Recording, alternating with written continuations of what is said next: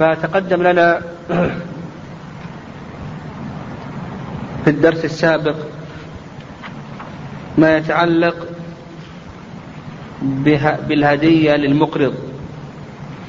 وذكرنا بأن الهدية للمقرض لا تخلو من أمرين. الهدية من المقترض للمقرض. الأمر الأول أن يكون ذلك بعد الوفاء فإن هذا جائز سواء كانت الزيادة والهدية في الكمية أو كان ذلك في الكيفية. مثاله في الكمية اقترض منه ألف ريال ثم بعد ذلك عند الوفاء رد ألف ومائة في الكيفية اقترض منه مثلا برا متوسطا فرد برا جيدا.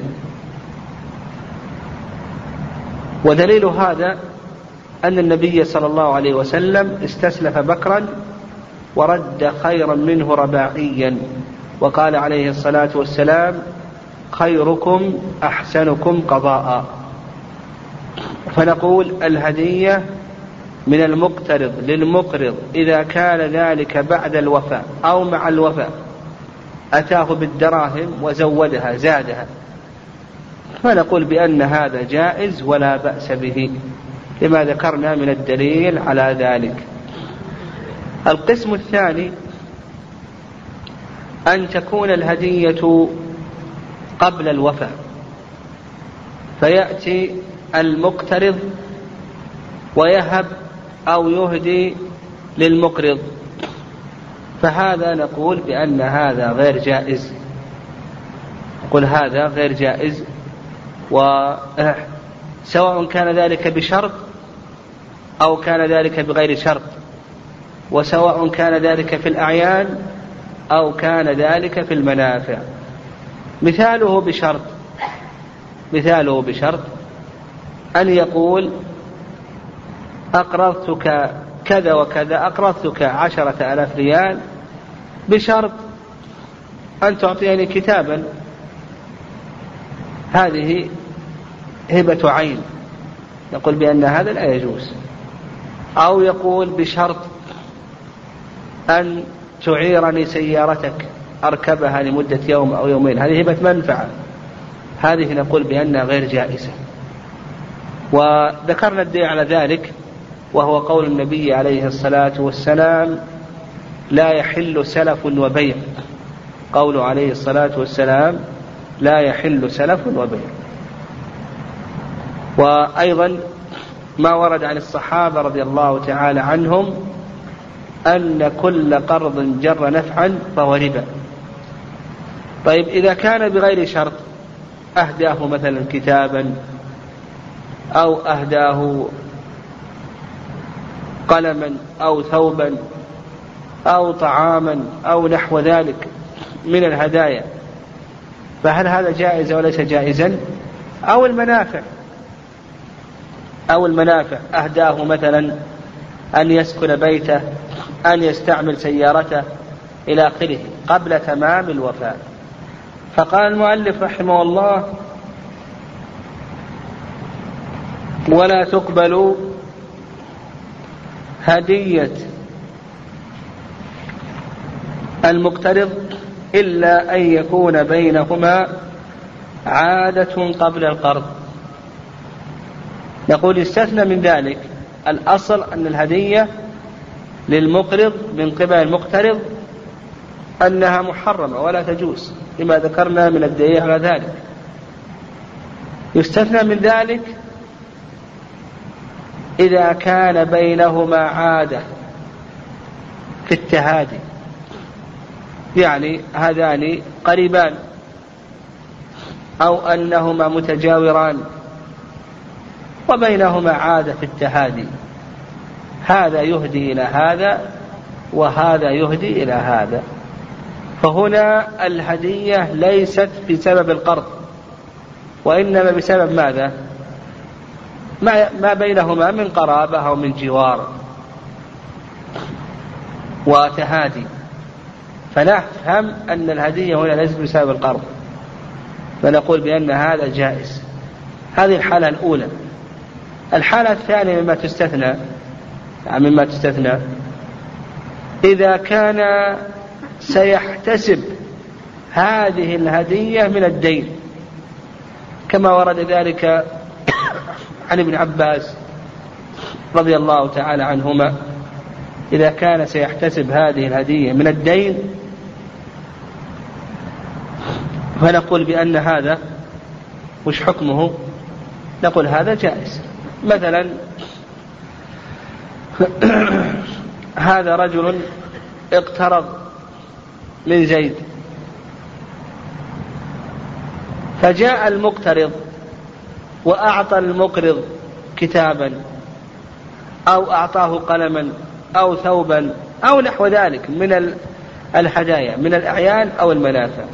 فنقول إذا كان المقرض سيحتسب ذلك من الدين مثلا أقرضه ألف ريال. هذا الكتاب قيمته تساوي عشرين ريالا أو تساوي ثلاثين ريالا وسيحسب هذا من الدين. يطرح ريال قيمة الكتاب. فنقول بأن هذا جائز ولا بأس به إن شاء الله. قل هذا جائز ولا بأس به. ما دام أن الهدية لمن؟ ما دام أن المقترض آه، نعم ما دام أن المقرض سيحسب هذا من الدين. ويدل ذلك أن هذا وارد عن ابن عباس رضي الله تعالى عنهما فإن رجلا اقترض منه سماك يعني رجل يبيع في السمك. فكان السماك يعطيه من السمك. فسأل هذا الرجل الذي أقرض هذا السماك ابن عباس رضي الله تعالى عنهما عن هذا السمك الذي يأخذه منه. فقال إن كنت تريد أن تحسبه من دينه وإلا فرده عليه. فنقول بأن هذا جائز إذا كان يريد أن يحسبه من دينه. الحالة الثالثة نقول فيها الجواز. إذا كان هذا الشيء مما جرت به عادة الناس وهذا يكون في الدعوات. يعني لو أن المقترض أضاف المقرض في بيته. يعني دعاه إلى البيت وأدخله البيت وأطعمه أحضر له مثلا تمرا أو أحضر له مشروبا ونحو ذلك. هل يحسب هذا التمر الذي يأكله؟ المقرض الآن أكل هذا التمر في بيت المقترض. أو شرب هذا الشراب في بيت المقترض. هل يحسب ذلك أو لا يحسب ذلك؟ هذا موضع خلاف. قال بعض العلماء يحسب مثل هذه الأشياء. فإذا أكل عنده تمرا يحسب قيمة التمر. إذا شرب عنده شيئا يحسب قيمة هذا الشراب. فهذه الأشياء يقوم بحسبانها. والرأي الثاني أن هذا يرجع إلى العادة. إذا كانت مثل هذه الأشياء تبذل يعني إذا كان هذا المقترض بذل هذا الشيء المقرض ولو لم يقرض لبذل له ذلك. هذه أمور جرت بها العادة. فنقول بأن هذه لا تحتسب. أما إذا كانت خارجة عن العادة فإنه يكون يقوم بحسابها. إذا تكلف له شيئا خارج العادة فنقول بأن المقترض يقوم بأن المقرض يقوم بحساب هذا الشيء الذي أكله عند المقترض ويقسمه من الدين. نعم. فتلخص لنا أن الهدية إذا كانت قبل الوفاء الأصل أنها لا تجوز وذكرنا الدليل على ذلك إلا في ثلاث مواضع. الموضع الأول ماذا؟ إذا كان بينهما تهادي. الموضع الثاني إذا كان يريد أن يحسبه من الدين. الموضع الثالث فيما يتعلق ب آه، فيما يتعلق بالدعوات والإضافة. هذا نقول فيه تفصيل.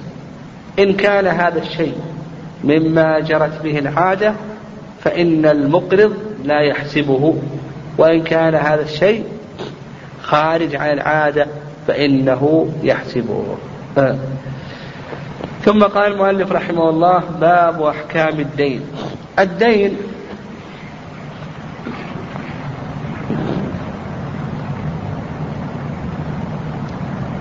الدين هو كل ما وجب في الذمة سواء كان بمقابل أو بغير مقابل.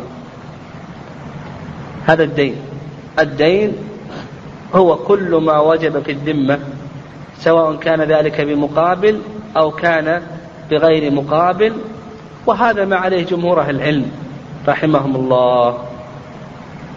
والرأي الثاني رأي الحنفية قالوا بأن الدين هو ما ثبت بالذمة إذا كان بمقابل. يقولون الدين هو ما ثبت في الذمة إذا كان بمقابل. والصواب في ذلك ما ذكره جمهور أهل العلم. ونقول الدين هو كل ما ثبت في الذمة سواء كان بمقابل أو كان بغير مقابل. مثال الذي بمقابل مثل ثمن المبيع. إذا اشتريت شيئا بثمن مؤجل فهذا الثمن في ذمتك يكون ماذا؟ نقول يكون دينا. إذا اشتريت شيئا بثمن مؤجل فنقول هذا الثمن في ذمتك يسمى دينا. أيضا إذا اقترض منه قرضا نقول هذا يسمى دينا. أيضا إذا تزوج امرأة على صداق مؤجل فهذا الصداق في ذمة الزوج يسمى دينا. أيضا قيم المتلفات رؤوس الجنايات هذه كلها تسمى ديون. فمثلا قيمة المتلف لو أنه أتلف سيارته وتحتاج إلى مثلا ألف ريال فهذه الألف في ذمة المتلف تسمى دينا. أيضا أروس آه، الجنايات لو أنه جنى عليه جناية وهذه الجناية قدرها كذا وكذا إلى آخره فنقول بأن ذلك يسمى دينا. المهم نفهم من ذلك أن الدين هو ما ثبت في الذمة سواء كان بمقابل أو بغير مقابل مثل الزكاة. مثل الزكاة. فمثلا إذا حال الحول وجب على التاجر أن يخرج الزكاة. زكاته مثلا تساوي ألف ريال أو تساوي ألفي ريال. فنقول هذه الألف في ذمة التاجر تسمى دينا.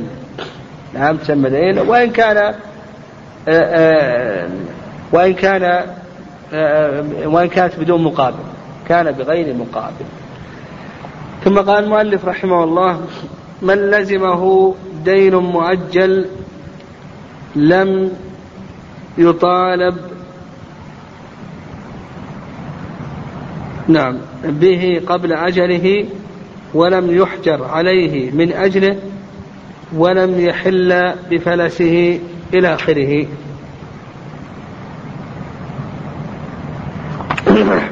الدين ينقسم إلى قسمين. ديون مؤجلة وديون حالة.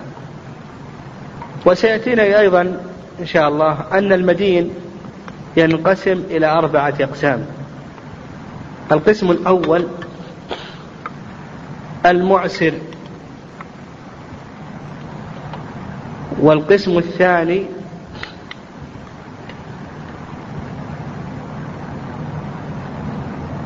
القسم الثاني الواجد والواجد تحته صورتان. والقسم الثالث المفلس الذي يحجر عليه القاضي كما سيأتي بيانه إن شاء الله. هنا شرع المؤلف رحمه الله في بيان حكم الدين المؤجل.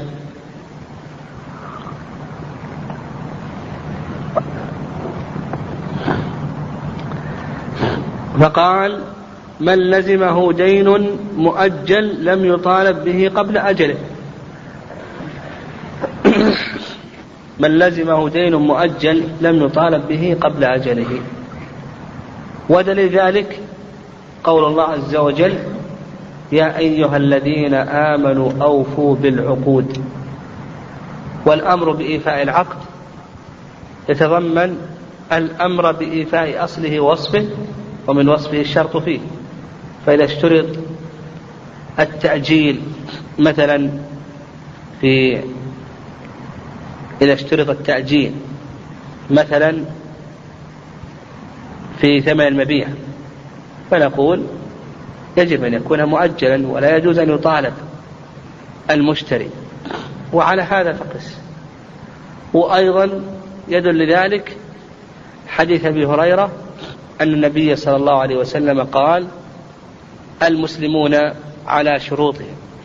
نعم حديث أبي هريرة أن النبي صلى الله عليه وسلم قال المسلمون على شروطهم. و وأيضا التأجيل حق حق مالي.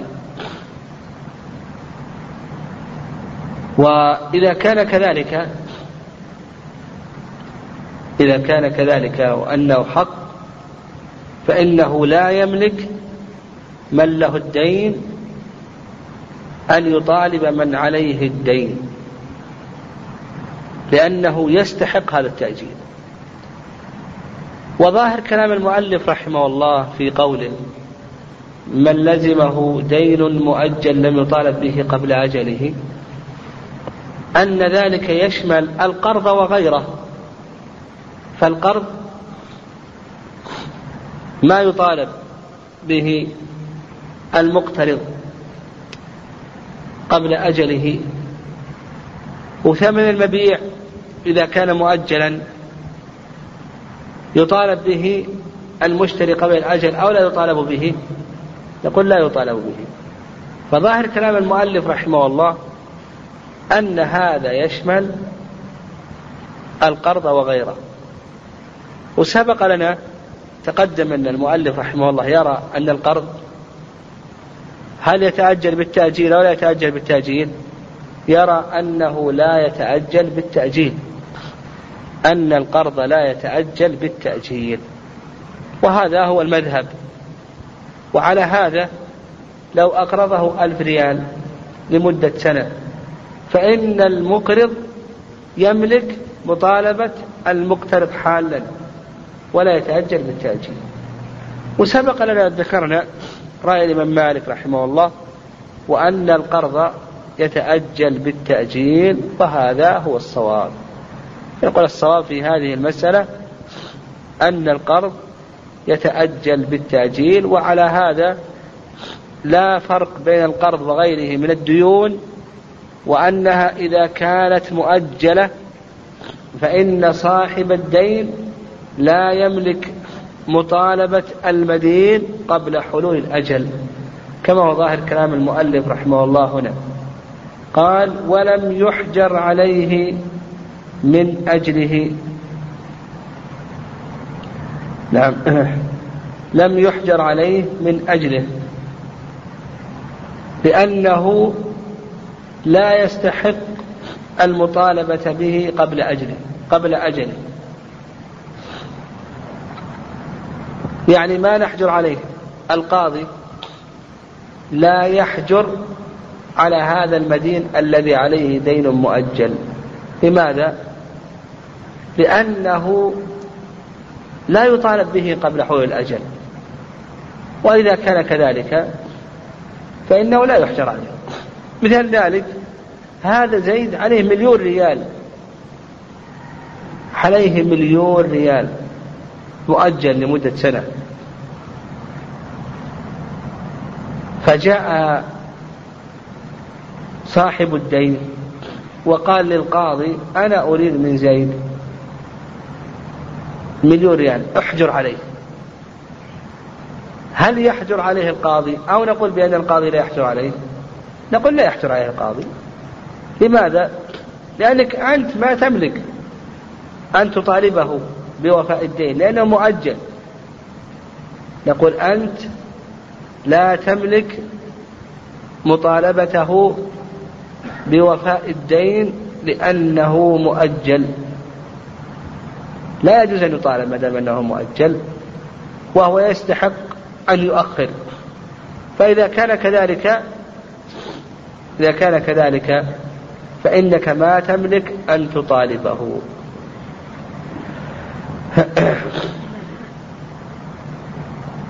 قال المؤلف رحمه الله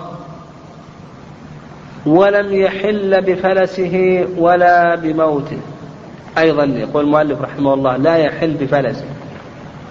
إذا فلس لا يحل. مثال ذلك مثال ذلك هذا رجل عليه دين. وعنده مال. الدين الذي عليه يساوي مئة ألف. والمال الذي عنده يساوي خمسين ألفا. هذا له مال وعليه دين. هذا المدين الذي له مال وعليه دين هذا يحجر عليه بطلب الغرماء كلهم أو بعضهم. لكن لو كان هذا الدين الذي عليه وهو يساوي مئة ألف ريال. نعم. آه. آه. بعضه مؤجل. وحجر القاضي على هذا الشخص. كما سيأتينا. هل الدين المؤجل يحل بتفليس القاضي للمدين أو لا يحل؟ ها؟ يقول بأنه لا يحل. لأن التأجيل كما سلف حق. يعني واضحة الصورة صورة المسألة؟ أو ليست واضحة ها؟ يعني معيد صورة المسألة. هذا رجل عليه دين. قدره مئة ألف ريال.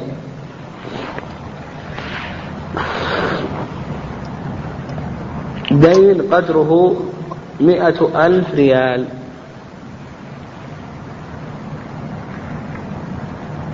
وله مال. المال قدره خمسون ألف ريال. هذا الذي يحجر عليه عند العلماء. مدين عليه ديون وعنده أموال لكن الأموال لا توفي الديون أقل من الديون. فهذا يحجر عليه بطلب الغرماء كلهم أو بعضهم. هذه المئة التي هي دين بعضها مؤجل. تسعون ألف حالة. وعشرة مؤجلة فحجر القاضي عليه. لما حجر عليه الدين المؤجل هل يحل بحجر القاضي أو نقول بأنه لا يحل؟ واضح؟ الدين المؤجل هل يحل بحجر القاضي أو نقول بأنه لا يحل؟ يقول المؤلف رحمه الله لا يحل. فيبقى المؤجل مؤجلا ولا يملك صاحبه أن يطالب به حتى يحل. قال المؤلف رحمه الله ولا بموته. هل يحل بالموت أو لا يحل بالموت؟ هذا رجل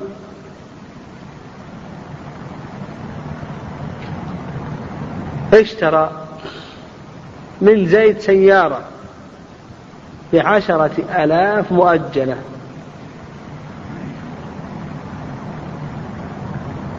هذا الرجل الآن اشترى الآن من زيد سيارة بعشرة آلاف مؤجلة. زيد يملك العشرة لكنها حالة أو مؤجلة. مؤجلة. مات المشتري. المشتري مات. بعد أن مضى شهر. كم بقي ويحل آه، الثمن؟ ها؟ أحد عشر شهرا. بقي لكي يحل الثمن أحد عشر شهرا. هل نقول بأنه بموت المدين الذي هو المشتري حل الدين الذي في ذمته أو نقول يبقى مؤجل؟ ها؟ هو قال لك المؤلف رحمه الله إذا وثقه الورثة برهن أو كفيل. فنقول إن قام الورثة وأعطوا الدائن رهنا لأنهم ربما يقتسمون التركة ويضيع حق الدائن. إذا أعطوه رهنا أعطوه رهنا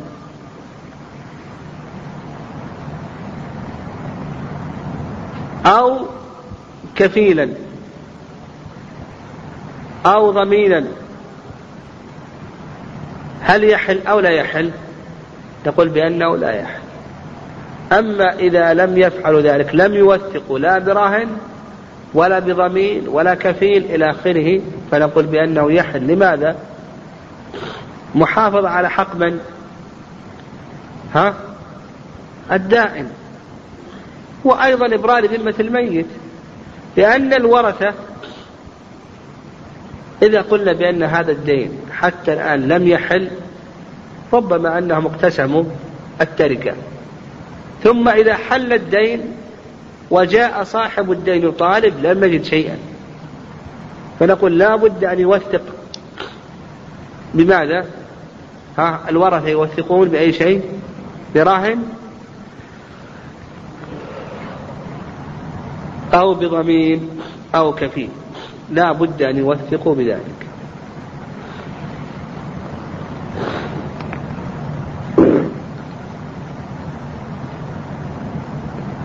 قال إذا وثقه الورثة برهن أو كفيل. قال وإذا أراد سفرا يحل الدين قبل مدته أو الغزو تطوعا فلغريمه منعه إلا أن يوثقه بذلك. هذا الذي عليه دين وهذا يدل على خطر الدين. ومع ذلك اليوم كثير من الناس يتهاونون بالدين. يعني شوف الفقهاء يقولون إذا أراد سفر له أنه يمنعه منه ما تسافر. إذا أراد أنه يذهب للجهاد له أنه يمنعه. تطوع له أن يمنعه. ف إذا أراد سفرا يحل الدين قبل مدته. يعني قبل مدة السفر. أراد الحج. نعم. نعم. أراد مثلا الذهاب إلى مكة. الذهاب إلى مكة يستغرق عشرين يوما. والدين يحل بعد عشرة أيام. يملك صاحب الدين أن يمنع المدين من السفر أو لا يملك؟ يقول المؤلف رحمه الله يملك أن يمنعه ما دام أنه سيحل قبل أن يقدم يملك أن يمنعه ما دام أنه سيحل قبل أن يقدم. إلا إن وثقه بأي شيء ها؟ برهن أو كفيل أو ضمين إن وثق برهن أو كفيل أو ضمين فإن هذا لا بأس به. لكن إذا لم يوثق فإن ذلك نقول جائز أو غير جائز نقول ليس له أن يسافر إذا لم يوثق.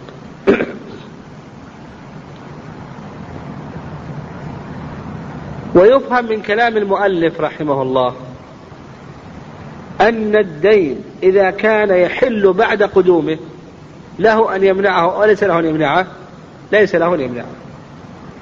فأصبح عندنا إذا أراد المدين من السفر له حالتان. الحالة الأولى أن يحل قبل قدومه فله أن يمنعه إلا أن يوثق الحالة الثانية أن أن أن يقدم قبل أن يحل الدين. فهذا لا يملك أن يمنعه. مثل أيضا الكلام هنا قال أو الغزو تطوعا. إذا أراد أن يذهب الغزو تطوع. لا يملك صاحب الدين أن يمنعه إلا أن يوثق ذلك برهن أو بأي شيء أو بكفيل أو ضمين إلا إذا كان سيقدم لا أيضا لأن الغزو موضع خطر. يعني الغزو موضع خطر. فما يملك أن يسافر للغزو إذا كان تطوعا إلا ماذا؟ إلا أن يوثق برهن أو ضمين أو كفيل. ويفهم من كلام المؤلف رحمه الله قولها الغزو تطوعا أن الغزو إذا كان واجبا هل يملك أن يمنعه أو لا يملك أن يمنعه؟ نعم أنه لا يملك أن يمنعه.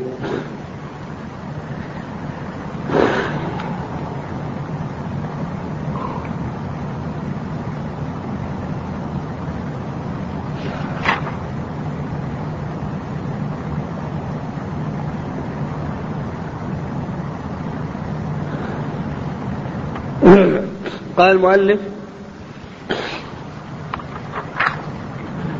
وإن كان حالا على معسر وجب إنظاره. هذا القسم الثاني من أقسام الديون. القسم الأول المؤجل تقدم الكلام عليه. وذكر المؤلف رحمه الله من أحكام المؤجل أنه لا يطالب الحكم الأول أنه لا يطالب المدين قبل الأجل والثاني أنه لا يحجر عليه من أجل مؤجل لا يحجر عليه إلا من أجل الحال وأنه لا يحل بفلسه ولا بموته هذه أربعة أحكام. وأن وإذا أراد السفر أو الغزو. ذكر المؤلف رحمه الله لل للدين المؤجل ستة أحكام. ثم بعد ذلك شرع في الدين الحال الذي عليه دين حال نقول الذي عليه دين حال لا يخلو من أمور. عليه دين حال. عليه مئة ألف ريال حالة خمسون ألف إلى آخره. نقول من عليه دين حال هذا لا يخلو من أمور. الأمر الأول قال المؤلف وإن كان حالا على معسر وجب إنظاره. الأمر الأول أن يكون ماذا؟ المدين معسرا. من هو المعسر؟ الذي لا يقدر على الوفاء. المعسر هو الذي لا يقدر على الوفاء. فنقول أن يكون معسرا. والمعسر كما أسلفنا هو الذي لا يقدر على الوفاء. فما الحكم بالنسبة للمعسر؟ نقول تحته أحكام. الحكم الأول يجب إنظاره. يجب أن تنظره. لأن الله عز وجل قال وإن كان ذو عسرة فنظرة إلى ميسرة. ما يجوز أن تطالبه. لا يجوز لك أن تطالبه. يجب عليك أن تنظره. وإن كان ذو عسرة فنظرة إلى ميسرة أي الواجب نظرة إلى ميسرة ينظر إلى أن تتيسر أموره. قال وإن كان حالا على معسر وجب إنظاره. هذا الحكم الأول. الحكم الثاني يسن إبراؤه. الحكم الثاني يسن إبراؤه يسن أن تبرئه ما دام أنه فقير ومعسر. هذا الذي عليه دين. لأن هذا من تفريج كربة المسلم كما ثبت في الحديث من فرج عن مسلم كربة من كرب الدنيا فرج الله عنه كربة من كرب يوم القيامة. فنقول يسن لك أن تبرئه من هذا الدين. هذا الحكم الثاني. الحكم الثالث أنه يحرم الحجر عليه. ما يحجر عليه. ما تحجر عليه. القاضي ما يحجر عليه. لأنه وش الفائدة يحجر عليه. ليس هناك مال حتى يحجر عليه. يمنع من التصرف. الحكم الرابع أنه لا يجوز طلبه ولا مطالبته. طلبه. ما يجوز أنك تذهب إليه. تطرق عليه الباب إذا كان فقير. تعرف أنه فقير. تقول أعطني المال. هذا ما يجوز. طلبه. مطالبته أيضا تذهب إلى القاضي المحكمة. تطالب بالدين وهو محسن. هذا ما يجوز.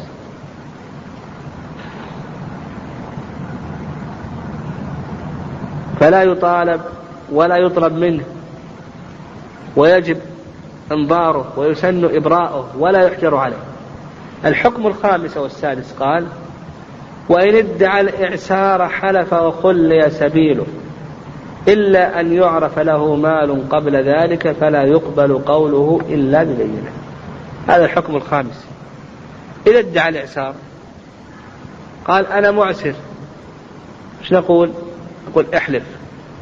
فإذا حلف خلينا سبيله. ما الفائدة أن نحبسه؟ ليس هناك فائدة. فنقول إذا ادعى الإعسار فإنه يحلف ويخلى سبيله. قال المؤلف إلا أن يعرف له مال قبل ذلك فلا يقبل قوله إلا ببينة. يعني نعرف أن هذا الرجل كان صاحب مال فكيف يدعي الإعسار الآن؟ فلا بد من بينة. قد يقول أنا عندي مال لكن المال احترق. تأتي ببينة. قد يقول بأن المال خسر.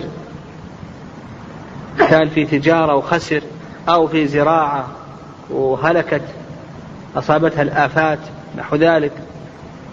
فنقول لا بد من أي شيء؟ نعم لا بد أن يأتي ببينة. تشهد على ما قال. و آه، نعم لا بد أن يأتي ببينة. يبين صدق قوله. آه. قال وإن كان موسرا لزمه وفاؤه. هذا القسم الثاني. أن يكون موسرا. والموسر هو الذي يقدر على الوفاء. ماله أكثر من دينه. ماله أكثر من دينه. عنده مئة ألف وعليه دين يساوي ثمانين ألفا. فهذا نقول بأنه موسر. الموسر تحته أحكام. الموسر تحته أحكام. الحكم الأول قال لزمه الوفاء. يجب عليه أن يوفي الناس حقوقهم. دين حال وأنت موسر يجب عليك أن توفي. يجب عليك أن توفي الناس حقوقهم.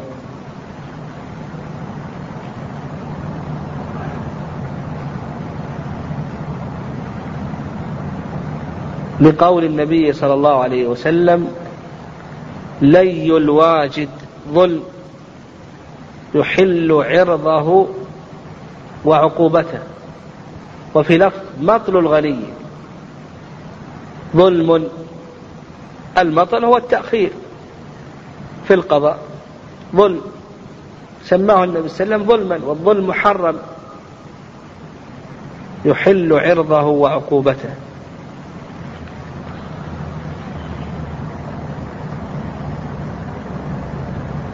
فنقول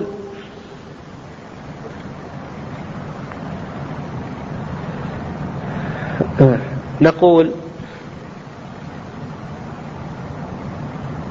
إذا كان واجدا موسرا والواجد كما ذكرنا هو الذي ماله أكثر من دينه. ترتب عليه أحكام. الحكم الأول أنه يجب عليه الوفاء ويحرم عليه المطل. الحكم الثاني أنه يحل عرضه وعقوبته. عرضه بأن تقول للقاضي فلان ظلمني فلان مطلني حقي سوف في التأخير إلى آخره. عقوبته أن القاضي يعزره بما يردعه. قاضي يعزره بما يردعه. قال فإن أبى حبس حتى يوفيه. هذا من العقوبة. إذا أبى أن يوفي فإن القاضي يحبسه حتى يوفي. الحكم الثالث والرابع أنه إذا امتنع بالكلية من الوفاء فإن القاضي يبيع ماله ويوفي الدين الذي عليه. إذا امتنع من الوفاء بالكلية فنقول القاضي يقوم ببيع ماله ويوفي الدين الذي عليه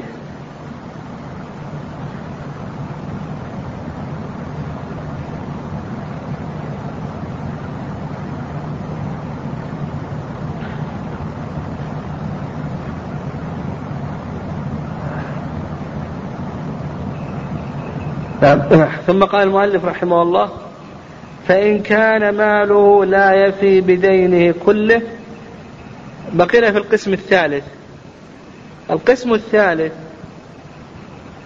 من كان ماله مساويا لدينه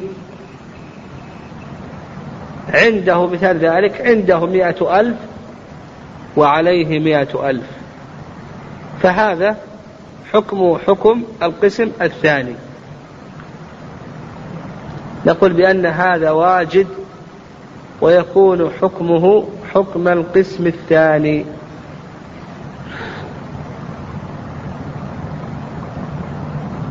القسم الرابع القسم الرابع بينه المؤلف رحمه الله بقوله فإن كان ماله لا يفي بدينه كله فسأل غرماؤه الحاكم الحجر عليه لزمه إجابته. هذا القسم الرابع وهو الذي ماله أقل من دينه دينه أكثر من ماله. هذا الرجل عنده مال وعليه دين. الدين الذي عليه يساوي مئة ألف أو يساوي مليون وعنده مال يساوي مئة ألف أو مئتي ألف. فهذا هو الذي يحجر عليه.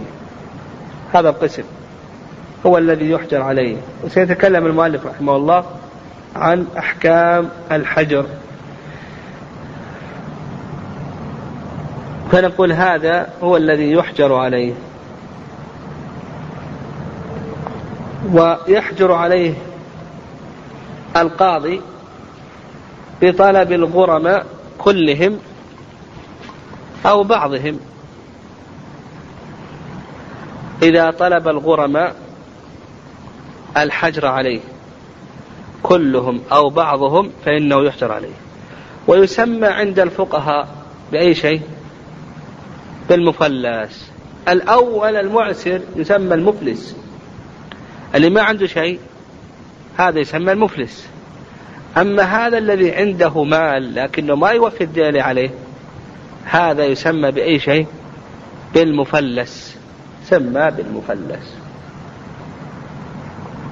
فالحكم الأول أنه يحجر عليه القاضي بطلب الغرماء كلهم أو بعضهم وهذا ما عليه يعني القول بالحجر وموضع خلاف. فجمهور أهل العلم يرون الحجر واستدلوا على ذلك. بأن النبي صلى الله عليه وسلم حجر على معاذ ماله. وقالوا أيضا أن وفاء الدين وش حكمه؟ واجب. وفاء الدين حكمه واجب. والحجر من طرق وفاء الدين. وما لا يتم الواجب إلا به فهو واجب. نقول الحجر هذا من طرق وفاء الدين. فالحجر واجب. وما لا يتم الواجب إلا به فهو واجب.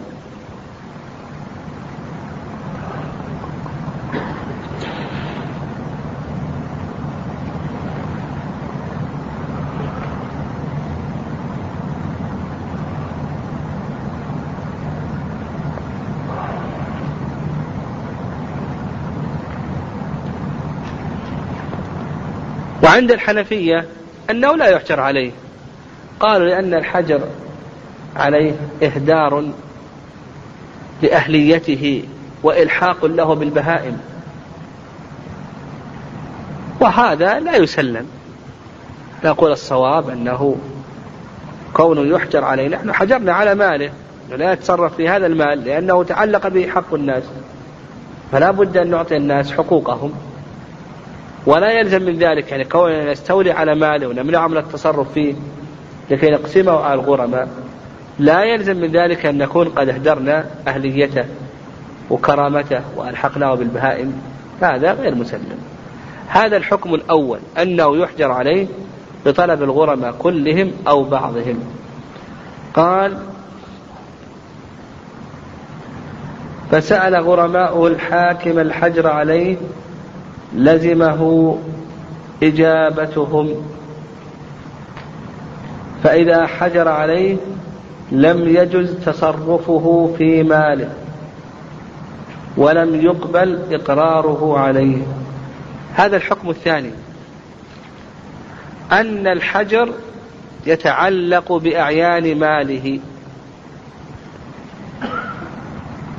دون ذمته دون ذمته. فمثلا هذا الرجل عليه دين وعنده سيارتان وعنده قطعة أرض وعنده مثلا عشرة آلاف إلى آخره. عليه مئة ألف أو مليون نفر. وعنده سيارتان إلى آخره. هو يحتاج سيارة كما سيأتينا أن الذي يحجر عليه يترك له ما يحتاجه كما سيأتي بيانه إن شاء الله. فعنده سيارتان السيارة الثانية لا يحتاج أن نستولي عليها. عنده قطعة أرض زائدة نستولي عليها. حتى قال العلماء إذا كانت بيته واسعة نبيع البيت هذا نشتري له بيتا بقدره. يعني نشتري له بيتا بقدره. فالمهم أنه الذي لا يتعلق بحاجته هذا نحجر عليه يحجر عليه القاضي ثم بعد ذلك يمنع من التصرف فيه.